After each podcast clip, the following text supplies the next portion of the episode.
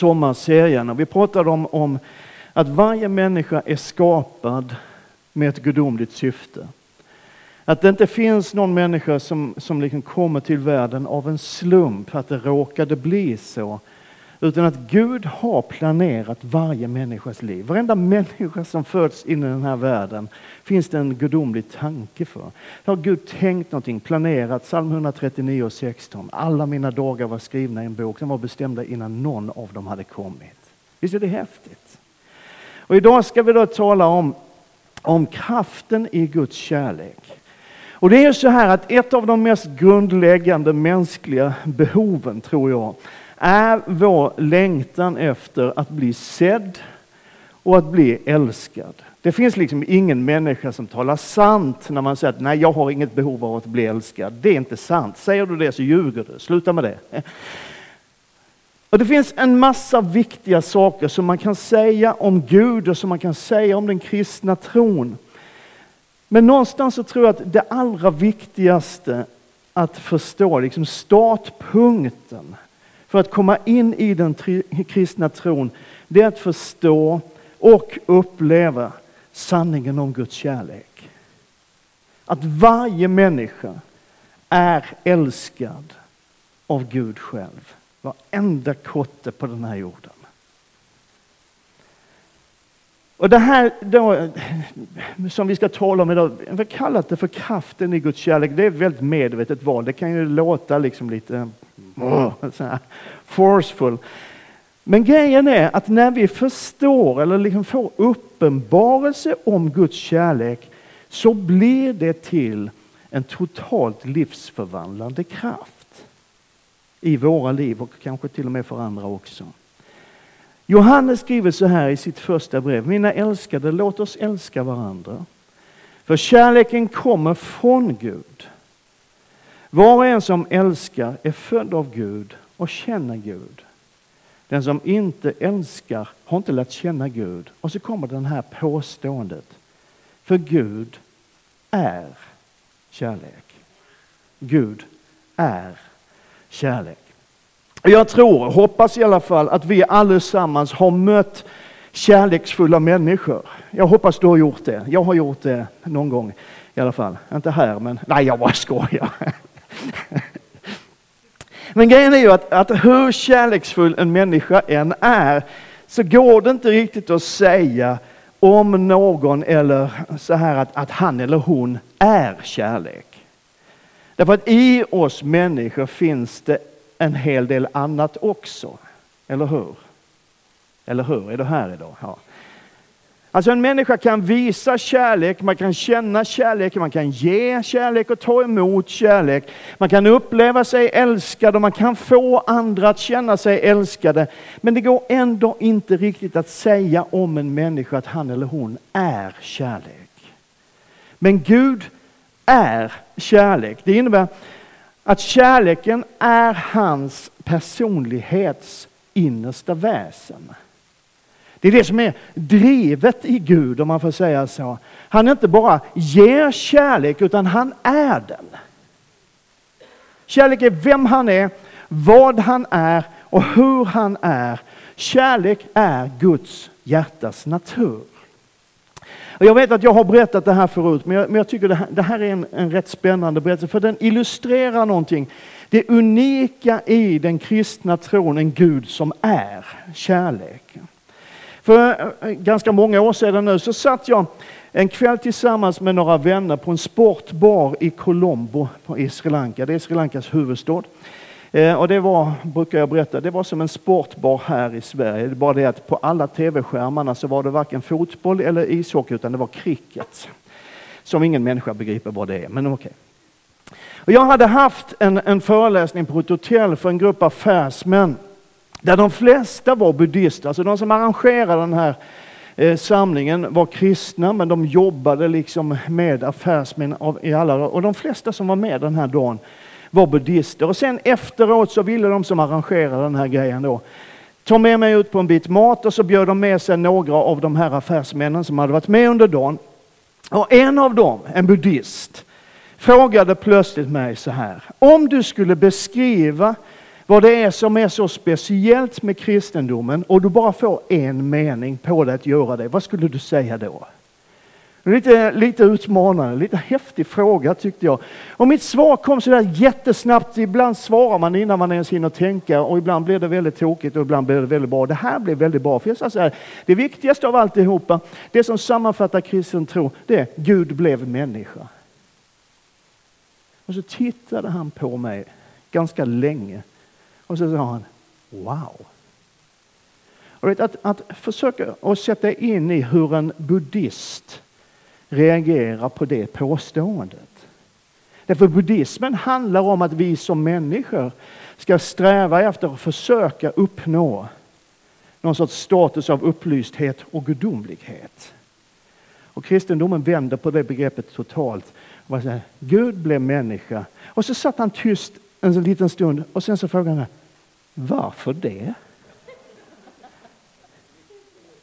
En jättebra fråga. Och svaret kom ganska snabbt där också. Sa, därför att han älskar oss. Och så säger han en gång till, wow. Alltså Gud är kärlek och hans hjärta är kärlek. Och den kärleken fick honom att sträcka sig ut till oss. Han föddes in i den här världen som en människa och delade våra villkor. Och det är vad som är totalt unikt med kristen tro. Att Gud sträcker sig till oss. Långt innan vi sträcker oss mot honom.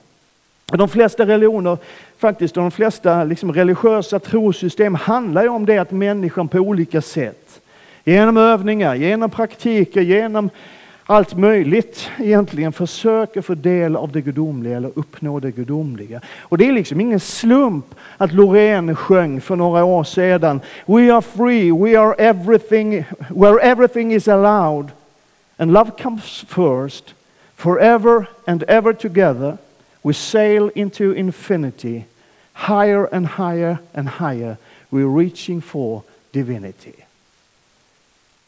Alltså, vi är fria där allt är tillåtet. Och kärleken kommer först. Känner du igen det budskapet från vår tid?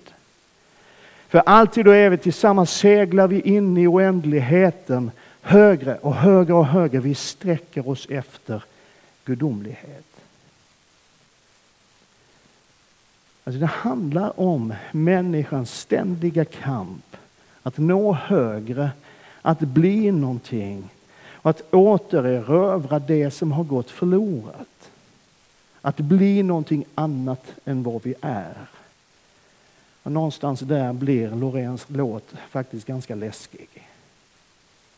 Bibeln talar om en Gud som är kärlek.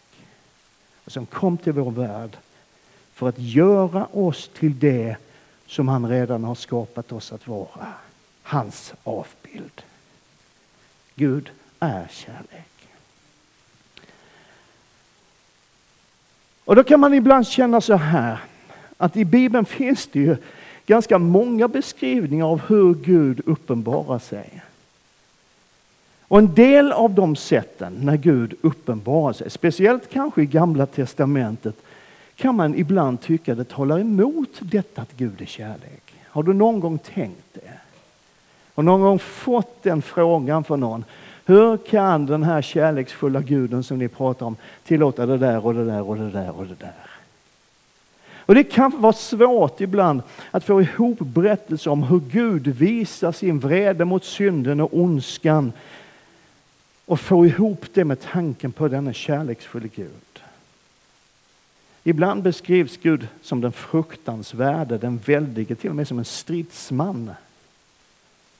Hur rimmar det ihop med en Gud som är kärlek och som Jesus uppmuntrar oss att be till med orden pappa, far.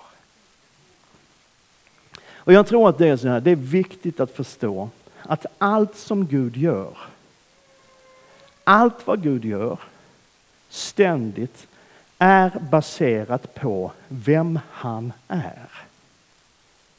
Och att allt han gör är ett uttryck för hans personlighet som är kärlek. Och när Gud, ibland på ett obegripligt, för oss nästan obegripligt sätt, visar sin vrede så är det en vrede över det som förstör det och den som han älskar. Är du med mig nu?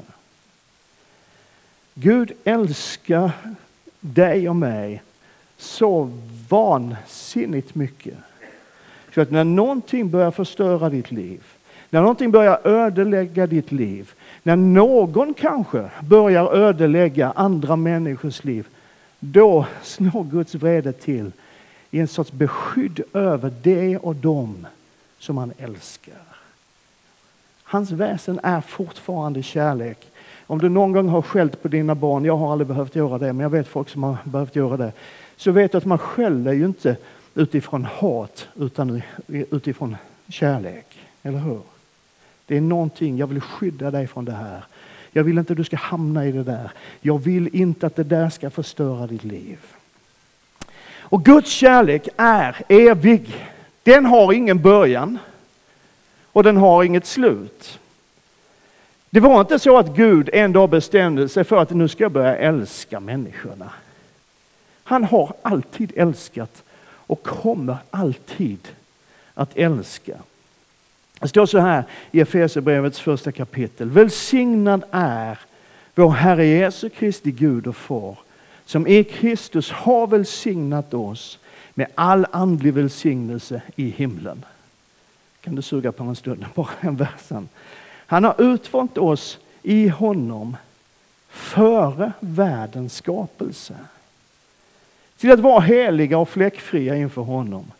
I kärlek har han förutbestämt oss till barnaskap hos honom genom Jesus Kristus efter sin goda viljas slut till ära och pris för den nåd som han har skänkt oss i den älskade. Alltså, lyssna på vad jag säger nu och låt det sjunka in för det här är, det här är nästan så att man inte kan fatta det eller man kan inte fatta det. Gud älskade dig, det är vad som står här. Gud älskade dig innan världens grund var lagd. Det är vad det står här. Innan någonting av det som vi ser och som vi kallar vår värld, innan någonting av det fanns, så älskade Gud dig.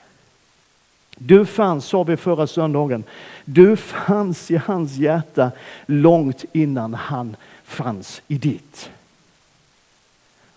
Och I första Korintierbrevet, det här känner många av er igen, skriver Paulus om tre saker som kommer att finnas kvar för evigt. Han säger så består nu, tron består, hoppet består och kärleken, dessa tre.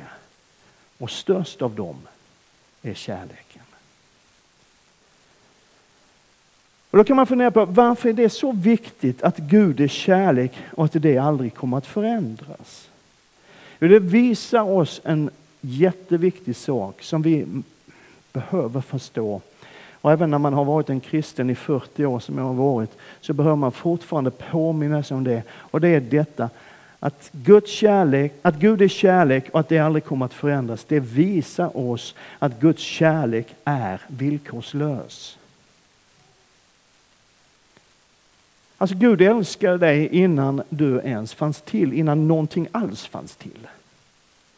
Och han kommer att älska dig i all evighet. Och du varken behöver eller kan väcka Guds kärlek.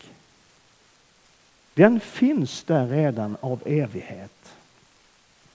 Och här är en, en, en viktig poäng, alltså den här tanken som ibland drabbar oss.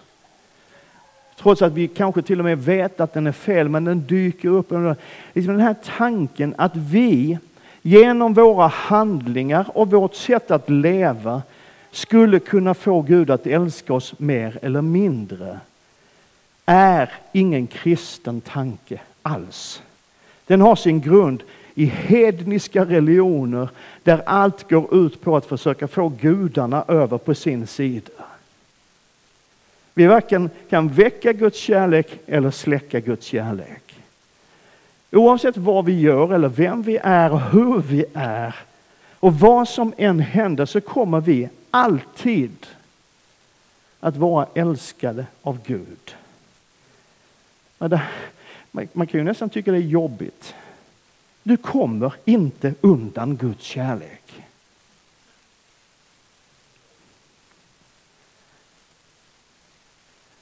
Kung David skriver så här. Vad kan jag gå för din ande? Vad kan jag fly för ditt ansikte? Stiger jag upp till himlen så är du där. Bäddar jag åt mig i dödsriket så är du där. Tar jag morgonrodnadens vingar. Gör jag mig en boning ytterst i havet ska också där din hand leda mig och din högra hand hålla mig. Säger jag, låt mörker täcka mig och ljuset bli natt omkring mig, så är inte mörkret mörkt för dig. Natten lyser som dagen och mörkret är som ljuset. Paulus skriver i Romarbrevets åttonde kapitel, vem, det är en retorisk fråga, vem kan skilja oss från Kristi kärlek? Nöd eller ångest, förföljelse, eller svält, eller nakenhet, eller fara, eller svärd. Och livet kan vara svårt, livet kan vara tufft och det vet vi allihopa. Och det kan liksom innehålla det där som Paulus räknar upp. Du kanske inte har upplevt allt det där, men du har upplevt något av det där. Nöd, ångest, förföljelse, svält, nakenhet, fara, svärd, eländes elände. Vi har varit där allihop. Och ibland så får vi gå igenom tider av både nöd och ångest. Men Paulus fortsätter och säger nej, i allt sånt, mitt i det, hur det än ser ut, så vinner vi en överväldigande seger. Då är det liksom inte 1-0 på övertid i 95 minuten, utan en överväldigande seger. Då är det 72-0 efter tre minuter. Eller hur? Liksom. En överväldigande seger genom honom som har gjort vad då han har älskat oss. Det finns en som älskar oss och därför så kan vi ta oss igenom vilka tider och vilka omständigheter som helst. Och så avslutar Paulus det avsnittet med att säga det här. Jag är viss om att varken död eller liv, varken änglar eller första, varken något som nu är eller något som ska komma, varken makter, höjd eller djup eller något annat skapat ska kunna skilja oss från Guds kärlek i Kristus Jesus, vår Herre. Så vad är det du ska ha med dig från den här söndagskvällen? Det här. Ingenting kan någonsin få Gud att sluta älska dig. Amen.